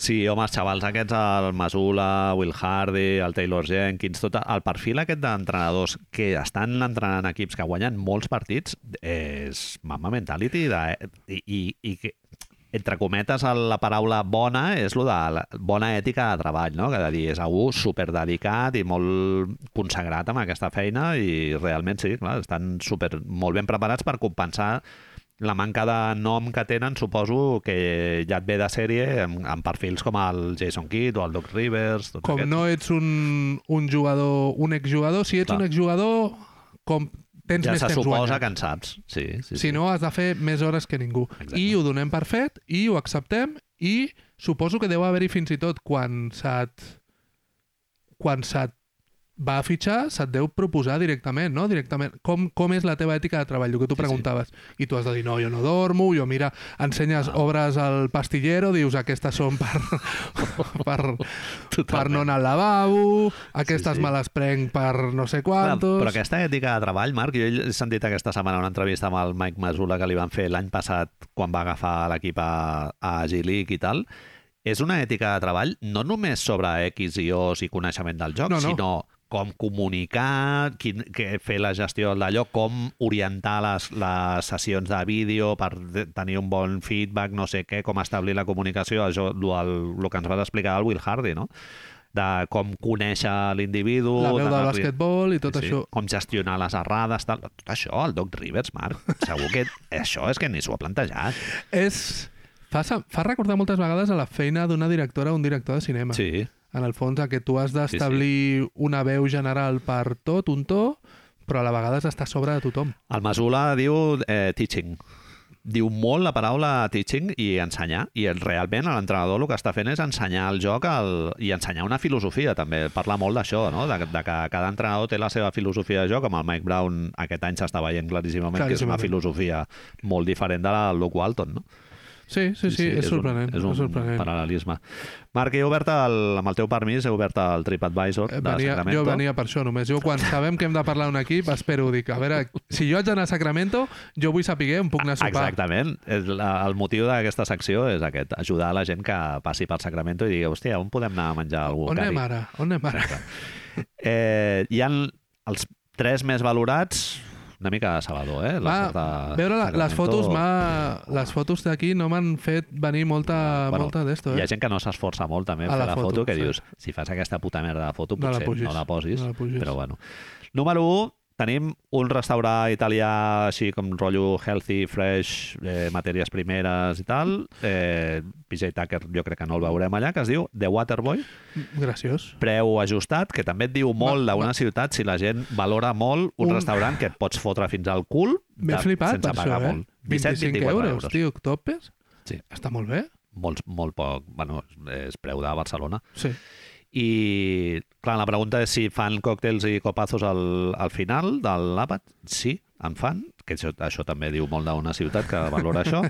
Número 2 tenim Mikuni Japanese Restaurant, Ojo. foto absolutament demencial d'uns rotllitos d'aquests eh, amb la carcassa fregida i, i les hueves per sobre i una reducció balsàmica així Com a- amb maionesa... Com a persona que no menja sushi pel fet d'aquest tan orquestrat, no? Per, per, perquè, pels animals i això, pot ser, Manel, que tu m'ho sabràs dir, que s'estigui com complicant molt el món del sushi? Molt. Clar, o sigui, és agafar la- la- el- l'essència del minimalisme del sushi, que ells, o sigui, vas a un que té tres estrelles Michelin i fan Arròs, alga i un arròs, bitxo. tonyina, salmó i s'ha acabat la història. Sí. Sí, sí. I, i ells agafen la, aquesta essència minimalisme i li diuen no, això no m'interessa. No. Jo el que vull és Telecinco i fotre comptes més salses i colors i d'allò. Sí, sí. I, a- si li poses un plat de pedra? I si li poses a sobre no sé quantos, Li no? posarem una galta de porc a sobre i, i a dintre no sé què i amb, el, i amb el, la fulla de l'enciam donant la volta. Clar, tio, és que em no sembla... cal, no Bueno, cal, no cal. A lo millor volen que ompli més, que sigui més... No? Bueno, és adaptar-ho al, és adaptar-ho al gust occidental. O sigui, de, de, algú als Estats Units quan va al restaurant no vol fer una degustació, o sigui, vol algú que tingui un pancake no? de, de, de quilo. El joc aquell del metro típic, del Hero, no, no t'ho fan això, no? No sé què va, és l'oposat. Sí, sí, sí. Eh, fan còctels i copazos per posar-te fino filipino? Sí. Important, Sacramento. Mikoni Japanese Restaurant, vamos de japos, 20 euros, però... 20 euros. Sí, tampoc no és molt, molt car, no. Sí, sí. Bueno, És són molt, és molt heavy. Restaurants que aquí n'hi ha a patades. Però és el que t'anava a dir, és, és molt heavy pensar que el segon restaurant de TripAdvisor de Sacramento és el Monster Sushi de la Sí. plaça Gala Placidia, bàsicament. Sí, sí, sí. O el Farsky Buka. Clar, un col·lega em deia, diu, és que la gent que vota TripAdvisor és la gent que, moltes vegades, la gent que està de pas per Sacramento, Ah. que va al no sé què i diu, hòstia, aquest és el bo i tal. Clar, no és gent que ha anat a 25 restaurants Clar. de, de Sacramento, és Clar, clar, gent clar. que ha anat allà, que sempre va a aquell, no? eh, gent viatjant o el que sigui. I el tercer, que és el que jo aniria, que és el, eh, curiosament és el que val més pasta també, Ah, amigo. quatre simbolets d'euro a TripAdvisor, és un que es diu The Kitchen Restaurant, Maco. Que, a més a més, no sé si m'estàs posant ja una música de violins o el que sigui, de música sofisticada, porten oberts des de l'any 1991 i tenen, tenen una, una estrella Michelin, com acabo de dir, i fan cuina contemporània, Marc que és una etiqueta. Nosaltres fem podcast contemporani. Comentem, no fem crítica. NBA contemporània. Sí, és Això així. ja pots posar a la, a la bio. Tenen 254 ressenyes, Vale. zero vots per Pésimo, Això és que, impossible. que és una... És impossible. és una... Que eh, TripAdvisor Sí, no sí, sí. se anden con remilgos, eh? amb La, Sí, sí, o sigui, sí, no és van amagant el pèssimo. Zero vots i només un vot per malo. Un En cas- restaurant que val pasta, eh? En castellà, eh? A més, ho tenen? Sí, sí, sí, sí, sí. I important també, Molt si important. fan còctels i copazos per posar-te fino filipino, no. És molt diferenciant, llavors. Clar. És una altra... Val pasta i no, allà no et vas emborratxar. És a dir, que m'estàs dient, Manel, que quan anem a Sacramento Hem d'anar al al Kitchen Restaurant, Allà. clarament, i dir-los no, vam parlar de vosaltres. eh? Exactament. Ja, ja us coneixíem, ja us coneixíem, això. Totalment, sí, sí. Bueno, Marc, parlant de restaurants bons i tal, millor atac de, dels Kings? Eh, clar, és, no sé com ha canviat la cosa des de que això estava escrit, deixa'm que ho confirmi, però durant la setmana passada, el partit contra Boston, una de les coses per les quals el, la newsletter per Patreons de Campley Canter va recomanar Com? aquest partit ha com el partit de la, de la setmana era perquè eren el primer atac de la Lliga a Boston contra el segon atac de la Lliga a Sacramento. Ara, Festival... Ara mateix han baixat perquè han perdut dos partits. Han baixat, són el quart millor atac de la Lliga, el tercer empatats amb Denver. Comença el Jinx ja abans de que, de que publiquem bo. el podcast. Això és molt eh? bo, ens ha anat molt Ens ha bé. passat amb Utah ja, Ens això. ha anat molt bé. Però eh, són, com dèiem, el quart millor atac de la Lliga. Juguen amb un tio que es diu Darren Fox, que suposa que és el tio més ràpid de tota la Lliga, amb la qual veient-los és molt obvi veure que juguen ràpid, no? juguen, corren, són el tercer millor atac de la Lliga després de rebot, que és una, és una dada que m'ha agradat molt i que he Sí, trobat sí, sí. aquesta setmana, que dius, hòstia, després de pèrdua rivals són el primer equip de la Lliga? És a dir, amb això ja et diuen, correm, Sí, sí. però per Joc primer en transició, no? Esperar, o sigui, no esperar que l'equip eh, s'assenti, sinó mirar de Tirem. forçar. La millora, i es veu molt clarament perquè Domantas Sabonis juga d'una manera que juga, és que ara més saben jugar en estàtic. Clar, en estàtic el busquen molt amb ell per distribuir. saben sí. jugar en estàtic. I, bueno, és ja... Ara arriba el bloc, Manel, on surten els violins, vale? Ah, sí, sí. que són la primera, quan veiem un equip que ens agrada, jo la primer, el primer lloc que vaig a mirar a veure quines són les estadístiques és aquesta. Passes. Passes, eh? Número de passes. Nosaltres volem ball movement. Cinquens en passes fets, cinquens en assistències, tercers en punts creats per assistències. Sí, sí. Tercers, no, cinquens també, en menor, això és difícil de llegir, menor temps empleat per cada jugador en tenir la pilota a la mà després de rebre-la. O sigui, sense abans, votar. Exacte, abans de passar-la, tirar-la o perdre-la. És el cinquè equip que menys temps té la pilota a la mà quan la rep. Sí, sí, sí. O sigui, això vol dir ball hogging zero, no? O sigui, ball hogging vol dir acaparar pilota... Res. Si jo la rebo, la teoria de Steve Kerr dels Warriors de tens 0,5 segons per decidir què fas amb la pilota. Uh -huh. I això és el que triguen els Sacramento Kings de mitjana en decidir què faran amb la pilota. Tom Hobase està a casa, ara mateix, el nostre entrenador de la selecció xinesa. Les mans a sota d'aula. També hi ha la teoria aquesta de que les millors decisions o les decisions més eficients es prenen en els set primers eh, segons de l'atac, no? Cinc, correcte. set eh, primers segons. Les defenses no estan muntades i és tot més fàcil. El, el Brian Scalabrine al, a la retransmissió de Boston eh, fa dues observacions que em van agradar molt. La primera, que diu que són a l'equip junt amb Boston que més talls fa en estàtic. o sigui, provocar línies de passe, diguem. Correcte. I número dos, diu que ell ha observat que quan juguen fora de casa el tempo no el tenen tan salvatge, o sigui que si voleu mirar realment com juga Sacramento en tot el seu esplendor, agafeu un partit que juguen a casa que han fotut a un festival d'aquests Els 154, 153 punts. Clar, és lògic, estan a, és, és un equip, és molt heavy el que està passant, perquè són gairebé 20 partits els que portem, no? I en 20 partits aquests nois estan demostrant una forma nova de jugar que, joder, això ho en teoria ho hauries d'aprendre durant molt de temps, doncs no. Per Sí, sí, temporada, el que deia Tom Hobart la setmana passada que dèiem, no? va estar un mes amb la selecció xinesa entrenant 12 hores al dia. Aquesta gent no ha pogut fer això. Sí, consolidar aquests, aquests, aquests bons hàbits no? a nivell estratègic o, o tàctic o d'estàtic costa una miqueta, sí. El que dèiem abans, que el trade en el fons no ens ha sortit malament, Domantas Sabonis és el màxim assistent de l'equip. Uh -huh. és, podríem estar d'acord que és el segon millor jugador de waterpolo de la Lliga, perquè després de tots qui ja sabem. Està I fent la, la millor temporada de la seva carrera, jo crec, eh? I d'Aaron Fox també. segon màxim, Kevin Huerter segon també. màxim assistent de l'equip d'Aaron Fox. Llavors, jo entenc que si els 10 millors, els dos millors jugadors de l'equip i líders de facto, podríem dir-li, decideixen, no, no, anem a passar la pilota, anem a moure'ns, no, no sé quants, deu ser contagiós, no? Això que deia Jokic, de que l'assistència fa feliç a dues persones i un punt i anotar només fa feliç a un altre, no? Exacte. Sí, sí, sí. Sí, sí, lo del Sabonis a mi m'està sorprenent, Marc. Jo em pensava que era un tio amb el que no podries guanyar de manera consistent, diguem, perquè, bueno, ha estat a Oklahoma, Indiana, el, el cicle ja va com- començar a ser una mica més negatiu i tal, però aquest any a Sacramento, vaja, fa molta olor a All-Star tots dos. Haurien de ser-hi. Sabonis, la veritat és que és, és molt maco de veure com, com juguen, com els dos fan jugar l'equip, tio, i com quan per fora no hi ha possibilitat, Sabonis va a, a fer de brut forts allà baix. No sé si... És que estava pensant, tio, no sé si amb Sengun és el jugador més estètic al poste baix que tenim Bon trasero, eh, també. Sengun... Sí, Sí, sí. sí, sí, clar. És que, clar, ara mateix el post és una cosa que s'està perdent, com estèticament el, el directament no el tenim gaire. Sí, sí. Sengun és increïble, Sabonis és increïble, però és que fora dels dos, Steven Adams no és estètic. No, costa trobar jugadors Jokic que a- abusin de tu en no el és, contra un. però, sí. però ja, no, ja no, no és el fet d'abusar, sinó és el girar, torno a girar, la finta, el cap enrere, el dream shake...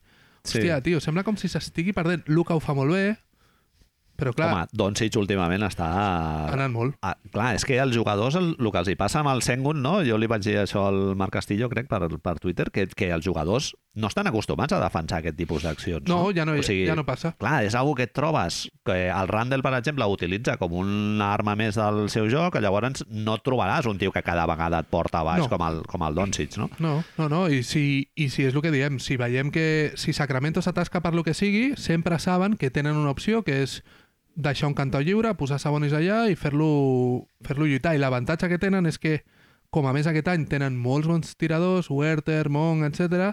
Joder, doncs és molt fàcil. Si no surt de la primera, Domas, pues ho gires. Tiren molt de tres, Marc. Són Keegan. Keegan Murray també bon, bon tirador, ha arribat Huerter, Malik Monk també és un tio que està molt còmode tirant de tres, no és un tirador tan eficient com Kevin Huerter. 47,3% d'encert Kevin Huerter, eh? Clar, Huerter és un tio, el cas aquest, que quan tens un tio que és molt eficient i amb molt de volum, ja dius, home, això ja és la, és la Sí, bomba... sí, sí. És, és, em sembla que era...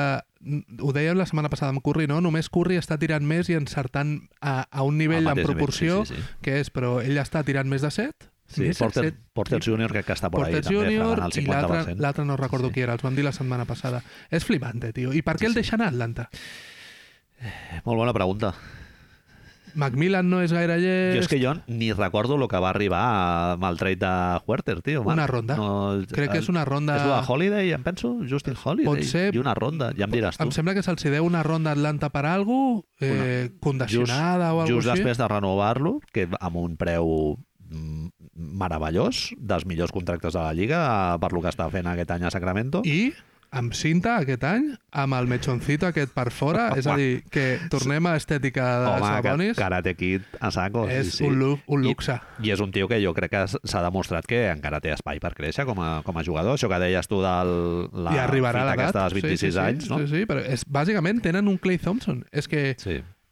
Tenen un Sabonis que podries dir que en atac és el seu Draymond Green perquè fa condicions... No sé si has vist, si recordes això als partits, però aquells moments que Sabonis agafa la pilota i diu no, no, ja ho faig jo, pujo jo i dirigeixo, Sí. és que dius ah, però que tu ets la persona de 150 quilos sí, sí, sí. que... I a més a més m'agrada molt que li treguin aquest playmaking, li treguin el d'Aaron Fox, perquè l'alliberes una mica d'un perfil que no és del tot el No seu. el o sigui, ell, ell pateix una mica quan ha de llegir en estàtic i tal, no? El d'Aaron Fox és un tio més de finalitzar i... moltes d'aquestes assistències que està generant, de segon, sent el segon assistent de l'equip, les fa precisament després d'haver-se carregat el seu defensor i fent el drive and kick, movent-la als Werther, Monks, Keegan Morris o Harrison Barnes. És molt fort, tio, pensar Sí, que Harrison Barnes, Harrison Barnes veritat. no el diem ja dins d'aquest equip, és un tio que té un anell que pot fer així, saps? I És un veterano, ja tens eh, veterans presents, és tens a allà. Harrison Barnes. És que és un equip molt jove, eh, tio. Mhm. És un equip que és... Joder, Len no està jugant. Eh, Richard Holmes no està jugant. Clar.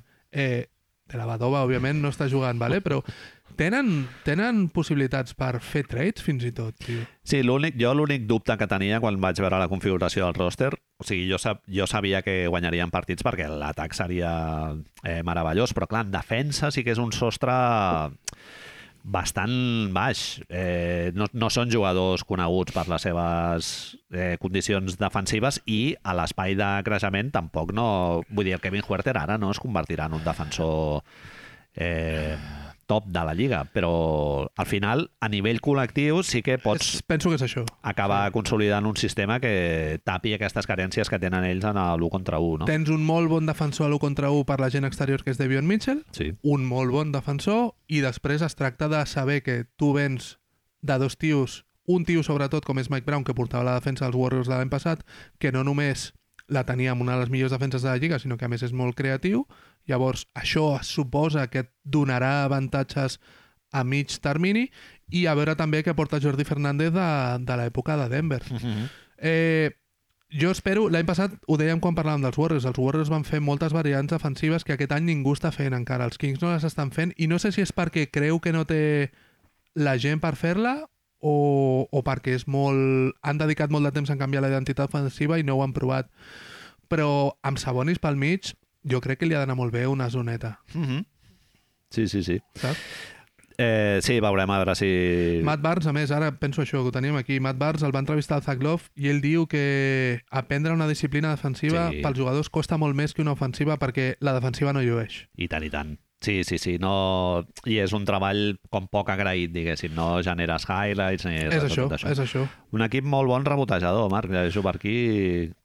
Va sorprendre això, que és una de les, millor... és una de les idees, és una de les coses que et fa pensar que pot millorar defensivament. Mm -hmm. Que tenen molts, molt clar, diguem, certes idees per millorar defensivament i que, el que diem, no? S'havia de treballar una altra cosa abans. Bueno, pues, Sí, si vols jugar ràpid has de, has de controlar bé el rebot i les segones oportunitats, no? Limit, limitar les segones oportunitats de l'altre equip. Dèiem al principi de, de temporada, no recordo quin era, que aquest any hi haurà dos equips que haurien d'estar play-in o play-offs que estaran fora. Eh, veient com està tot el número ara mateix, és a dir, tota la classificació, hem de creure que aquest equip ha d'estar lluitant, o no? Hòstia, I tant. no sé per què, m'ho crec una mica més que Utah, tio. Sí, totalment. Sí, bueno, clar, la dinàmica és molt diferent, no? Eh, Sacramento sí que ha fet una aposta per, per tenir aquest roster, deixant anar el Halliburton i tal. El de Utah s'ho han trobat una mica més, però sí, jo crec que sí que estaran allà, Marc. I jo a principis de temporada vaig dir que els veia acabant amb un rècord per sobre de Portland i ho mantinc, Marc. Pot ser, pot ser. Sí, bueno. Portland és un equip molt més concentrat i a la que el Lillard es perdi els seus com a mínim 10-12 partits, que se'ls perdrà, setmana, ja i, i que crec que fora. és, eh, hi ha bons números de que se'n perdi més, Sacramento té l'oportunitat, jo crec. Sí, sí, sí. És, a l'oest és, confio. a l'oest és molt difícil, però amb aquest... Si, si apuntalen una mica, que quan es parla de defensa es diu molt aquest verb, Manel, no sé per què, apuntalar, no? que Apuntalar, dius, sí, sembla sí, que sí. estiguis fent l'arca de Noé, una Sí, sí, mica, sí. saps? Apuntalant. Eh, haurien de poder estar. Haurien... Hi ha una altra cosa que m'agrada molt, que és un equip força profund. Sí, Tenen dues unitats i, sobretot, tenen possibilitats de fer trades, tio. sí, sí. sí. Tenen a Holmes allà que li aniria molt bé a molts equips, que potser podrien ser un equip... Bueno, per Crowder no serien un equip, no? Però Sí. el poden moure i No tant. ho sé, tio. Sí, sí, sí. I, I jugadors que encara poden créixer, no? El Kikan Murray i tal fa molt bona Sí, pinta, sí. encara pot aportar més en atac. Devion Mitchell també és un tio que encara està coneixent una mica com funciona. En defensa del 1 contra 1 ja el té, Sí. però en atac encara poden, poden anar una mica més cap a dalt i al mateix temps, en paral·lel a altres equips de l'Oest que estan agafant una dinàmica negativa, com Dallas, per exemple, que ja s'estan Sí, redint una mica l'ambient, eh? Dallas haurem de parlar un dia perquè Sí, sí, ahir el, el vaig veure per primer cop a la temporada. Aquest cap de setmana he vist els dos dels equips que no havia vist cap partit encara, que eren Minnesota i Dallas. Uh -huh. I uh! Bueno, Minnesota, l'altre equip també que està... Però Minnesota sí que dona la, la impressió que està fent underachieving, no? Diguéssim, o sigui que encara tenen molts, moltes peces noves i encara aniran cap a dalt, però jo el de Dallas no ho veig gens clar, el, quin marge de maniobra tenen dintre del roster que tenen i perquè dius, hòstia, sí, el Christian Wood ara el farem jugar 38 minuts. No estic segur de que guanyis més partits amb això, eh? I a nivell de mercat tampoc tenen moltes opcions per moure's, eh? És moure Tenen Christian Wood. contractes molt Només tòxics, poden eh? moure Christian Wood, bàsicament. Sí, sí. És, és molt sorprenent tot el que està passant amb Dallas, ja en parlarem quan toqui bé, però sembla que, que Jason Kidd vol marxar. A Jason Kidd sí, no li agrada. Jo crec que el, No li agrada, la, és la raó per la qual va marxar el Rick Carlisle, que és el forat aquest en el que et fots el fer un heliocentrisme tan absolutament obsè al voltant del Doncic, el, el Kidd també se n'ha adonat de que no... O sigui, és molt difícil. Però I el roster que et configura el Nico Harrison jo crec que és per fer això. Deu ser molt estructural, no? També, és a dir, que Cuban deu dir no. Dona-li... Jo no sé si Doncic s'acabarà cansant de tota aquesta merda. Eh? Bueno, veure- al final suposo que quan acumulis diverses temporades, però clar, ells l'any passat van arribar a finals de conferència i ja agafa embranzida Sí, sí, sí. a, això de que, hòstia, ho estàs fent bé. Bueno, ja, però és que tenies el Brunson, eh, les rondes et van anar com et van anar, també, no sé. Acabem Marc, amb parlarem- Sacramento. Sí. Sí, parlarem això tan maco que s'ha generat aquest any, aquesta tonteria com una casa de pagès, però que serveix molt bé per capturar la sensibilitat d'una part dels Estats Units, no? que és la de Sacramento i tal, que... Hòstia, té molta gràcia, tio, la tonteria aquesta del làser, no?, que han fet aquesta temporada. No sé si podem estar d'acord que a la NBA una de les coses que ens agrada tant, la setmana passada que parlàvem de relats, narratives i totes aquestes merdes, sempre necessites quelcom d'aquest d'aquesta índole, no? D'aquesta fora de lo que és el, lo pròpiament basquetbolístic per acabar de formar una part de, del zeitgeist, de la cultura de la ciutat i Big de Bong, no?, de l'any passat, Correcte. sí, sí. És a dir, tens algo que de sobte s'ha fet popular a Twitter i que estem parlant des de Barcelona i, i que, bueno, que reflexa una xorrada, que pot ser directament això, els Kings han guanyat un partit i com han guanyat un partit encenen quatre làsers, Manel, que estan a sobre del... De, quatre làsers de color lila que estan a sobre de la superfície del Golden Center i que quan guanyin a casa o fora, eh, l'encenen igualment, però que quan estan a casa és, tot és molt més teatral, és que ho té tot, tio. Sí, sí, sí, és que sí, les sí. càmeres estan Tenen encantades. un botó de- d'encès i apagat. Que fica Kings Win, saps? és a dir, que sembla, és que sembla Doctor Maligno Sí, sí, d'Austin sí. Powers o dolent de l'Inspector Gadget. És un botó d'aquests de, de malo de, del Bond, de les pel·lis de James Bond, tio, que li has de donar i surt el Totalment. làser. Sí, sí, sí. Eh, Bueno, és una que et demostra de que la, la, la ciutat està amb l'equip, no? Sí, I de que la gent sí, sí, es sí. creu el projecte i que tenen fe i tot això, no? Això Houston segurament aquest any no, no, no ho faran. Quatre làsers que tenen 1.000 watts de potència, eh? 1.000 nada watts de potència, i nada menos. No sé si és molt o poc, però anem a dir que és molt, saps? Home, 1.000, a mi em sembla un número molt respectable, eh, Marc? Diu Vivek Ranadive, el propietari dels Kings, m'encanta la idea de que arribi a l'espai exterior, més lluny del que l'ull humà pot veure. I, i ja el, Motiveti, eh, Vivek? Una mica bájale, eh? pensa, els Kings van ser, em sembla que eren el primer equip que van fer mining de criptomonedes a l'estadi, que podies fer ja directament. Està Però, molt o amb sigui, les... qualsevol el, la idea d'aquestes innovadores de- d'allò, Vivek li diu, ponme tres. Ponme tres. Sí, sí, sí. I ojo amb aquesta, Manel, eh, vull que els aliens el vegin, el làser, eh? Jo vull que els aliens vegin el làser, Manel. Els aliens, tot tranquils allà veient la tele o el que sigui, i, hòstia, i aquestes llums? No, Clar. Kings Win? Això què és, no? Investigant i de dir, hòstia, no, no, sí, que hi ha una franquícia. Bueno, és que... tal. I si ja l'han vist, Manel? I si ja l'han vist i estan dient, ja prou, ja prou. I si estan veient a casa eh, la que s'avecina o el convidat, O sigui, els arriba un làser segador, vols dir tu. tu estàs a casa veient TV3, els aliens, a la casa alien, i per la finestra alien entra una puto làser un altre cop. Han guanyat els Kings, papa. Ja, però estic veient aquí el convidat. Cago en satanàs. És com el soroll de les obres, no? és això, casa. és això. I què? Què hem de fer amb això? Pues què passarà, Manel? Que un dia els aliens diran ja prou d'aquesta merda. Ah, Bueno, vindran aquí a posar remei al, a la invasió Independence Day, domèstica. Independence Day, però al Golden One Center aquest dels collons, tio. I al Vivek Granadive, saps el, uh, com es diu la pel·li del Tim Burton de Mars Mars Attack? Attacks. Sí. Li tallaran el cap i li posaran una capibara, tio. Vindran aquí a venganza. Eh, és que no estem fent les coses com toca, tio. Agressió, agressió interplanetària. Estem, L'està liant sense voler. el estem, els aliens estan veient el convidat a casa perquè connecten amb TV3 i per això té tanta audiència a TV3, en realitat. Tenen perquè plataformes per veure el que es fan als altres planetes. Crims només ho veuen els aliens. En realitat tot és mentida. A Ullacona no veu ningú crims. Estan veient El Invitado o alguna merda d'aquesta. Però els aliens veuen tots aquesta merda. No? Marc, no sé jo, jo he dit que 1.000 watts eh, és una, em semblava una xifra És poc. bastant respectable, però clar, no sé, fins al punt d'arribar a molestar a les societats alienígenes que hi ha per ahí I si és el color? solar. I si és el color que Ah, és un té, color- un, té un RGB concret que... Això passa molt. A mi em molesta molt el blau cel, per exemple. Pues, I si és el teu blau cel, el seu Ah. lila? I si hi ha un tipus d'alien concret que diu què és aquesta merda? que, és, que coincideix que és molt belicós, no?, a més a més.